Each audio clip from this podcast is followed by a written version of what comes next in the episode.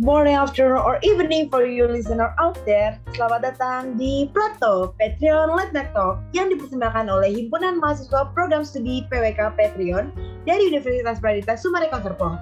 And we are your hosts, yours truly and only, Rana and Dan Sekar. Okay, thank you for making us part of your week. So we are here to educate, inform, and inspire all of you listeners terkait dunia perencanaan, dan karena podcast ini yang dibuat oleh a bunch of students, mahasiswa-mahasiswa aktif yang penuh dengan rintangan, tantangan dalam kuliah, nah tentunya nanti episode-episodenya bakal banyak terkait dengan kehidupan mahasiswa juga. So stay tuned for what's gonna come more. Nah, dan hari ini kita tuh nggak cuma berdua, tapi kita juga kedatangan tamu dari mahasiswa Pradita juga, angkatan 2019, yang merupakan uh, salah satu mahasiswa yang merantau dari beda pulau. Jadi, uh, siapa nih orangnya? Nah, ayo kita kenalan. Halo Kak Dwight, halo Kak Hansen. Hai. Hai. Halo. Kalian apa kabar? Uh, eh, gue jujur gugup karena biasanya gue yang nanya tiba-tiba gue yang ditanya. Ayo lo gugup nggak? Gugup. Kalau gue sih santai aja sih. Ya udah biasa soalnya wawancara. Asik. Nah oke gimana nih kak? Langsung masuk pertanyaan aja yuk kak. Oh iya tunggu nih tapi sebelum pertanyaan pertama sebelumnya uh, pengen tahu dulu dong kira-kira kalian berdua ini Kak Dwight sama Kak Hansen udah merantau dari tahun berapa sih kalau boleh tahu? Hmm. Kita masuk kuliah 2019 ya Sen ya? Iya. Cuman kayaknya Hansen lebih lama deh merantaunya deh. Gimana Sen? Ya jadi kalau misalnya dari gue dulu ya Dwek ya. Sorry ya. ya. Personally kalau uh, dari gue sendiri udah ngerantau sejak tahun 2016 ya karena uh, dari sekolah menengah atas atau kita kenal dengan namanya SMA itu uh, saya udah tinggal di asrama jadi dari sekitar tahun 2016 sampai di tahun ini. Jadi setelah lulus dari SMA saya lanjut untuk merantau di luar pulau begitu oh mantap. Berarti udah lama banget ya kalau dari Hansen sendiri. Nah untuk pertanyaan yang pertama kita langsung aja ya. Kira-kira dari kalian berdua nih ada tips-tips penting nggak sih yang perlu diketahui uh, saat akan merantau gitu? Mungkin boleh dari Dwight dulu. Kalau kalau dari gue yang paling pertama tuh kita harus tahu, kita tuh harus tahu kayaknya strategi kehidupan kita dah. Yang paling pertama dah. Pengaturan keuangan, terus uh, makanan apa gitu-gitu. Terus uh, di mana kita bakal tinggal, termasuk itu uh, culture tempat tinggalnya gitu sih. Karena ya bicara dari pengalaman pribadi sih ya. Uh, ya ya kita kan pergi ke daerah baru tuh. Kita keluar dari comfort zone kita. Nah comfort area kita ada. Comfort zone comfort area. Nah kayaknya di situ kita harus uh, antisipasi itu sih. Kalau kita mau pergi merantau itu sih kayaknya. Agak sekali setuju terutama uh, untuk culture shock gitu juga ya. Iya benar sekali. Kalau dari Hansen gimana nih Sen? Uh, kalau aku dari pribadi nih uh, kayak istilahnya gini sih di mana kaki berpijak di situ langit dijunjung kan. Jadi ya uh, di mana pun kamu berada apalagi kita sebagai anak rantauan yang notabene kita kayak numpang lah di pulau orang atau di kota orang. Jadi kayak uh, mungkin tips yang pertama kali ya kamu harus cepat adaptif sih dengan lingkungan sekitar atau mungkin dengan uh, keadaan ataupun mungkin dengan orang-orang di sekitar kamu. Terus yang mungkin yang kedua sendiri yang udah disampaikan dengan dua tadi itu uh, kita harus tahu sih limit kayak ataupun strategi gimana cara kita ngatur uh, bukan hanya keuangan tapi waktu juga sih. Jadi uh, ketika kamu dihadapkan pada suatu keadaan yang misalnya kayak entah itu sekolah ataupun kuliah kamu bisa uh, tahu di mana batas-batas yang harus kamu lakukan atau yang enggak gitu. Terus mungkin uh, selebihnya itu kayak uh, mungkin dari segi sosial ataupun mungkin dari segi yang lainnya itu bisa yang berjalan sesuai dengan keadaan ke depannya lah maksudnya berjalannya waktu kayaknya bisa menyesuaikan sih kalau dari aku. Berarti kalau Hasan ini termasuk orang yang gampang beradaptasi sama lingkungan baru gitu ya? Nah, mungkin bisa dikatakan begitu sih ya karena kan kita kan anti introvert introvert ya. Keren banget anti introvert introvert Nah, betul banget. Nah, terus aku punya pertanyaan nih. Nah, jadi kan kalian ini merantau. Nah, apa aja sih yang bikin kalian kangen sama rumah? Waduh. Ya ayo Doaik, jawab dulu Doaik. Oh, makanan ya Sun ya? Makanan Makanan, ya. sih. Makanan. Bener banget. Makanan. Eh, apa lagi ya? Lingkungan sosial ya. Iya, Karena- terus mungkin dengan suasana rumah juga sih ya, karena kalau kita Yap. ngerantau kan eh, bener-bener hidup yang mandiri tuh nggak ada yang eh, ngeliatin atau mungkin ngomelin kita. gitu. Hmm. Setuju sih. Ya intinya lebih bebas sih ya. Kita merantau tuh kita atur sendiri kan. Iya. Tapi justru itu kangen Nah. sama orang-orang rumah gitu loh. Orang Iya. rumah, orang-orang sekitar. Suasana di rumah tuh ya tapi ya memang suasana yang berbeda sih ya Sun ya. Bener. Jadi kadang kalau orang eh, rumahan ngeliat kita, wah enak banget loh jadi anak kosan. Kadang di satu sisi kita juga bilang, wah enak banget lo masih di rumah. Gitu. Yap. Kita kita ada enak nggak enaknya sih sebenarnya, cuman tapi Iya. bukan berarti kalau anak kos kosan semenderita itu nggak juga. ada itulah masing-masing tersendiri gitu. Agree. Iya, agree, agree. Setuju, setuju sih. Mungkin dilihatnya kayak wah enak nih bebas kayak bisa pulang malam atau segala macem gitu. Iya, termasuk. Tapi ya kalaupun bener-bener yang hidup ngerantau gitu ya, kayak lu bebas nih. Tapi ketika lu pulang atau nggak pulang gitu, nggak ada yang nyariin, nggak ada. Kadang ada perasaan yang rindu ataupun mungkin kada kayak kita pengen tuh eh, dapat perhatian. Kayak misalnya orang rumah kan selalu nyariin misalnya kita kalau pulang malam ada yang marahin. Nah kadang ada satu sisi juga kita pengen ngerasain hal itu lagi sih. Walaupun mungkin ketika kita ngerasain itu hal di rumah kita kayak ngerasa itu hal yang menjengkelkan ya. Cuman di satu sisi kadang kita pengen ngerasain hal itu lagi gitu Oke, eh, pertanyaan selanjutnya ya. Kira-kira eh, gimana sih cara mengatur keuangan pada saat kalian ngerantau gitu? Biar nggak boros-boros banget. Ya Doaik, jawab Doaik. Bisa Doaik. Kalau kalau oper-operan Sun. Tapi ini kayaknya gue pernah bahas sama Hansen deh. Ingat nggak Sun? Eh, waktu kita bahas itu yang paling pertama kita harus lakuin tuh kita harus nabung. Ingat nggak? Ah, Ya. Hmm. Dan kalau dari gua personal itu eh, tiap dapat transferan tuh itu udah ada sejumlah eh, amount, udah ada sejumlah Ya. eh, uang yang paling pertama tuh gua sisihkan gitu loh. Jadi itu cukup membantu sih sebenarnya sih. Ya kecil-kecil lama-lama jadi bukit kan. Nah, Iya. itu jadi salah satunya jadi uang cadangan gua sih. Dan ya walaupun selebihnya cukup sih, cukup-cukup aja sih. Cobalah Jadi- makan murah sih. Misalnya eh, gini sih, kalau mungkin eh, lebih transparannya gini, kalau misalnya dapat kiriman gitu, kita kayak udah matok, misalnya saya sama dua ini udah matok kalau jumlah di uang eh, rekening kita udah sampai segini kita stop kayak udah nggak jajan. Jadi dalam kalau emang udah bener-bener akhir bulan gitu, jadi kayak enggak yang bener-bener dalam keadaan sakratul maut nggak bisa jalan itu ini gitu. Tapi tetap kita punya tetap punya cadangan gitu. Jadi istilahnya kalau Doaik bilang mungkin menabung ya kayak pangkal kaya mungkin saya mungkin sedikit ngerevisi ya kayak eh, selama kemarin ngerantau jatuhnya juga ada eh, investasi lah ya investasi di sedikit di rekening. Jadi walaupun nanti udah di akhir bulan kita bisa sedikit-sedikit kayak masih bisa yang menghela nafas gitu. Jadi kayak Hmm. bener eh, habis gitu loh. Kita masih ada sisa-sisa uang nanti pas dapat kiriman itu amountnya nambah lagi gitu jadi nggak yang bener-bener kita habisin di saat itu juga gitu Hmm, hmm. Hmm, menarik menarik. Apalagi nih kan anak-anak yang baru kuliah offline nih kan baru ngerasain ngekosnya, terus mereka juga harus ngatur duit gimana gitu. Dan apalagi kan sekarang juga eh, biaya-biaya juga lumayan naik, jadi mereka harus Hmm. pinter-pinter lah buat ngatur keuangan juga kan. Nah, Iya. ngomong-ngomong nih soal ngerantau nih. Jadi kan ada istilah homesick ya. Jadi kalian tahu lah ya istilah homesick itu apa. Nah, itu tuh baga- gimana sih cara eh, dari kalian masing-masing ngatasin homesick dari Han dari Hansen dulu boleh? Eh, tentang homesick ya kayak ngomongin homesick mungkin gue baru pernah ngerasain itu awal-awal banget pas eh, pisah dari orang rumah itu pas di SMA sih waktu jadi di asrama ketika kayak eh, orang tua dari teman-teman udah pada datang gitu udah pada ngajakin anaknya pulang ataupun jalan gitu. Kadang eh, orang tua kita nggak bisa nggak bisa sempet datang ataupun bahkan ngejenguk kita nggak sempet. Nah itu pertama kali ngerasain benar-benar sedih sih.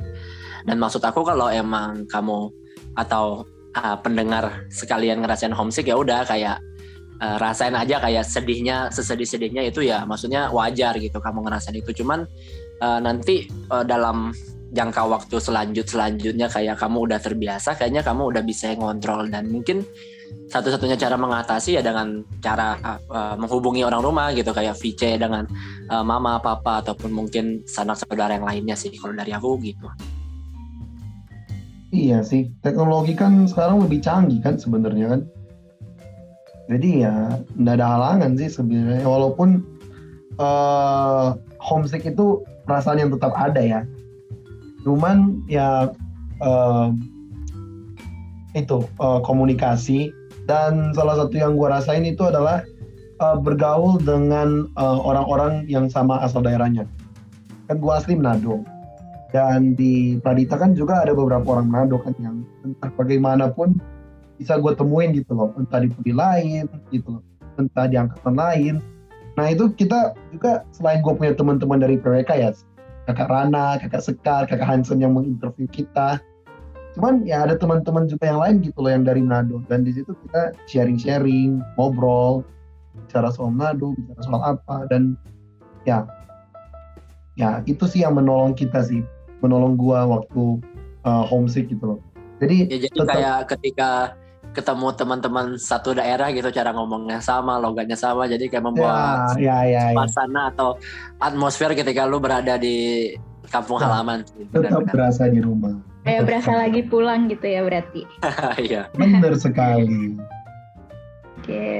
uh, tadi kan di awal Dwight sempat mention culture shock ya. Jadi kayak uh, yang baru-baru merantau pasti ngerasain kayak oh ternyata di sini kayak gini ya gitu ya. Kalau misalkan dari kalian sendiri nih culture shock yang paling dirasain saat ngerantau itu apa sih? Ayo siapa mau jawab mungkin boleh. Hansen apa sih? Hansen apa sih? Culture shock ya. Uh, shock. Kalau gue pribadi waktu ngerantau apalagi yang udah ini ya beda pulau gini dari Kalimantan ke Pulau Jawa ini mungkin kalau terus yang pertama mungkin kayak ngelihat uh, cara ngomongnya begitu. Kayak dari segi bahasa ya pertama ya. Terus mungkin uh, dari segi uh, berpakaian kalau dari aku mah. Kayak kalau di sini mah berpakaian yang pakaian baju yang terbuka gitu kan kayak udah hal yang lumrah gitu. Tapi kalau di tempat aku kayak berpakaian yang kayak gitu masih belum biasa ditemukan gitu. Terus kayak dari segi bahasa gitu kan, kayak yang dari uh, aku kamu gitu, jadi gue lu gitu. Jadi kayak uh, mungkin dari situ kayak gue masih belum terbiasa awalnya. Cuman uh, karena teman-teman di sini juga yang baik, welcome dan kayak mau kasih tahu walaupun sering kali saya diisengin dengan kata-kata atau mungkin singkatan-singkatan yang masih uh, belum saya pahami sendiri awal-awal itu. Tapi udah sih, udah terbiasa sih sekarang setuju sih sebenarnya sih culture shock. Uh, apalagi kan Hansen kan uh, adaptasinya lu gue itu kan. Cuman kan emang gue tuh adalah ber, maksudnya bahasa asli gue itu adalah bahasa yang 180 derajat berbeda kan. Itu kan bahasa Manado kan bawaannya kan. Iya Dan iya. Itu kan plesetannya lumayan jauh tuh. Nggak tahu kalau Hansen plesetannya sama di Kalimantan pakai lu gue nggak sih atau pakai bahasa Indonesia nggak ya? Bahasa Indonesia ya? Bahasa Indonesia tapi kan kebanyakan pakai bahasa daerah kayak Melayu, Tionghoa. Ah, ah, ah. Jadi plesetan yang lumayan jauh itu loh yang kadang-kadang kadang-kadang perhatiin nggak kalau di kelas tiba-tiba kan bisa aja lidah gue itu nyelip ke Manado gitu-gitu accident by accident karena uh, itu uh, lidah gue masih uh, custom gitu loh dengan uh, bahasa Manado gitu loh itu sih iya kayak gue ngomong kayak ngerasa kalau gue pakai kata gue elu gitu kayak hmm. bagi gue ya kayak kata-kata yang tinggi gitu kayak sombong gitu lah. Tapi kayak itu awal-awal doang sih kayak kalau aku ngomong gue tuh kayak kesannya gue tuh sombong atau gimana ya itu kayak mungkin persepsi. Iya kayak kesannya oh gue sombong banget sih ngomong gue lu gue lu gitu. Cuman kan ya, ya memang udah bahasa di sini gitu.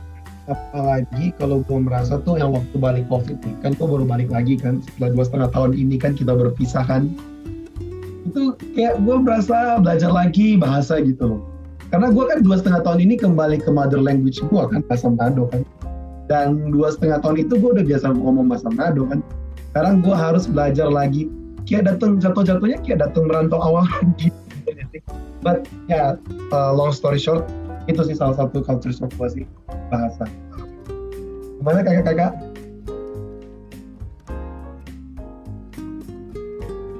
Hmm, oke berarti culture shocknya emang masih bisa kalian uh, atasi ya. Karena kan banyak juga nih yang yang tiba-tiba culture shock dan dia tuh nggak bisa ngatasinnya jadi nggak bisa ngikutin lingkungan sekitar yang tempat dia tinggal atau dia kos sekarang gitu loh.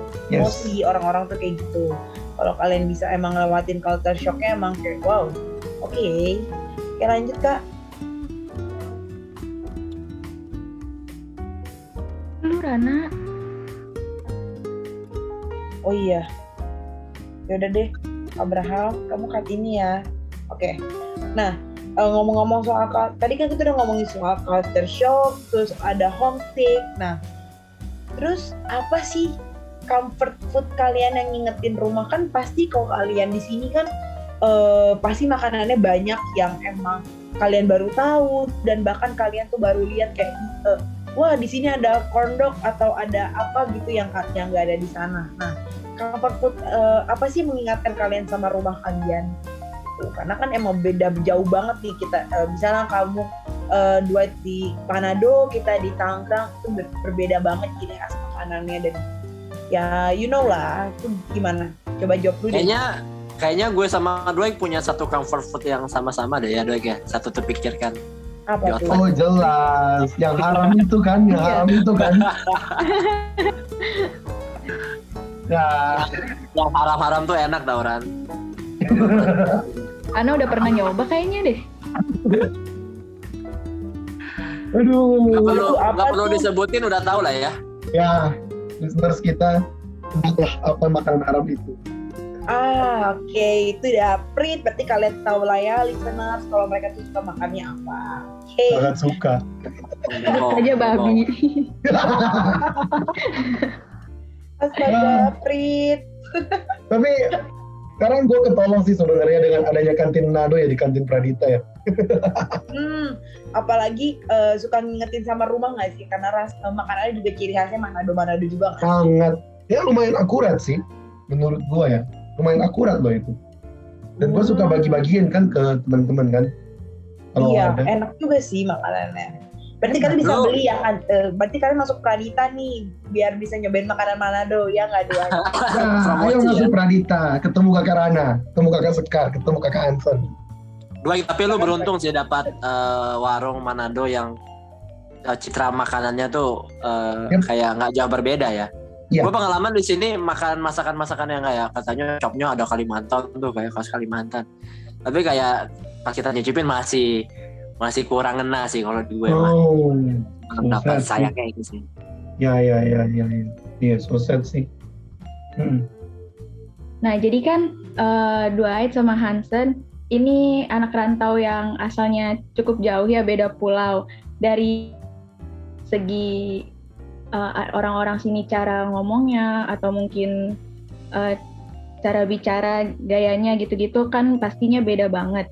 Nah, untuk dari kalian sendiri nih cara beradaptasi sama lingkungan yang baru itu seperti apa sih?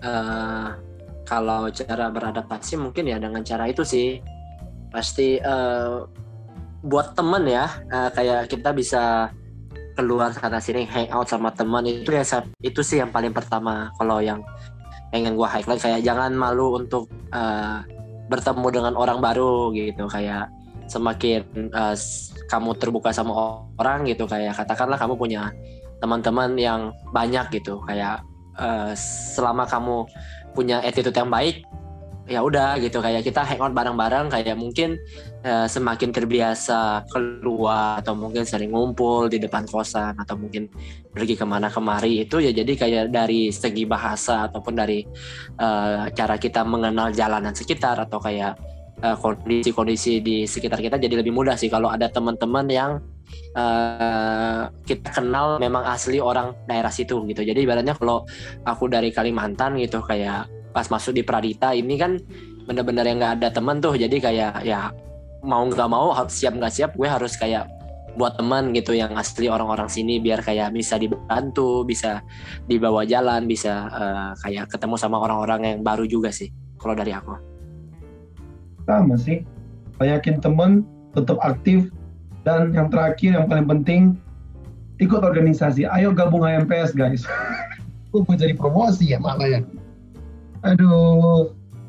Tapi ya ya dengan kita tetap aktif sih salah satunya Ansor udah banyak emphasis dengan banyak teman banyakin teman ya.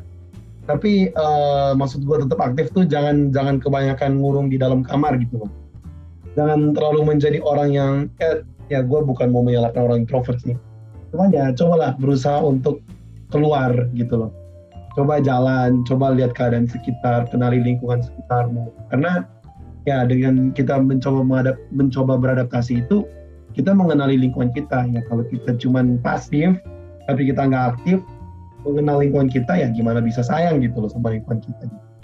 Itu sih Hmm, betul banget sih apalagi kan tadi kan balik lagi itu kan kalian ada culture shock kayak juga di sini terus jadi kan harus uh, gimana belajar adaptasi dan istilahnya bertahan hidup di yes. wilayah yang emang kalian belum pernah datengin dan emang kalian bahkan ini bener new experience buat kalian banget dan bakal bakal kalian ceritain ke depan dan apalagi ke anak kalian kan Benar sekali. Oke, okay, lanjut. Nah, jadi kan kalian anak rantau ya, pasti punya ada suka dan dukanya. Nah, suka duka kalian tuh apa sih selama menjadi anak rantau? Kayaknya kalau sukanya gue sangat suka dengan kebebasan yang ada di diri gue. Bede. Uh, kelas dua. kelas ya. Ya bebas. Cuman di satu sisi dukanya itu adalah kalau terlalu bebas, artinya pengeluaran kita juga bebas mengalir kan dari kantong kita. Nah, di situlah dukanya. Kadang-kadang kalau telat transfer, ayo yang udah nyetok Milanta, udah nyetok Indomie, nah pasti bisa mengerti lah keadaan-keadaan kita. Apalagi ini taping akhir bulan tuh, tanggal-tanggal tua loh. Bisa berasa ya Sen ya? Jadi mungkin kalau uh, anak rumahan gitu kan kayak masih yang kurang bebas berekspresi segala macam. Terus yang enaknya jadi anak rantauan tuh uh, kayak kita bisa dapat kayak uh, katakanlah transferan gitu ya yang di rutin tiap bulan. Tapi ini mungkin nggak mewakili semua anak rantauan juga sih. Ini dalam artian mungkin pengalaman pribadi yang gue rasakan atau mungkin dua rasakan atau mungkin uh, beberapa anak rantauan rantauan yang rasakan juga gitu. Cuman ya uh, tetap sih kita tetap nggak uh, bisa seenaknya juga ya kalau udah dapat transferan kalau asal make ya berarti sebelum akhir bulan dukanya ya kita harus lebih irit gitu. Ya beratnya ya ketika orang-orang makan enak kita harus bisa kayak nelan air udah sendiri sih. Nah, dukanya terus kalau misalnya ada kabar yang kurang mengenakan gitu dari rumah kita jadi kayak panik atau mungkin ikut sedih karena nggak bisa ada di sisi mereka untuk ngebantu di rumah sih. Iya gitu. betul sih. Betul betul sih Iya, kalau ada orang rumah kenapa-napa kan jadi pikiran juga kan kita sih ya. Ya betul. Ya. Terus misalnya kayak gini sih, kayak ngelihat misalnya uh, dukanya nggak termasuk duka sih mungkin ya. Uh, hmm. Misalnya kalau misalnya aku atau gue sendiri dengan dua main ke rumah teman gitu ke rumah hmm. teman disambut sama keluarga disambut sama orang rumah dari teman kita sendiri kayak kita kadang di situ tiba-tiba ngerasain oh kita rindu nih uh, sama orang rumah. Kita kangen hmm. gitu. Cuma boleh buat kita terpisah oleh jarak yang belum jauh membentang. Jadi kayak kita cuma bisa ya ngebatin sendiri sih. Ya ya.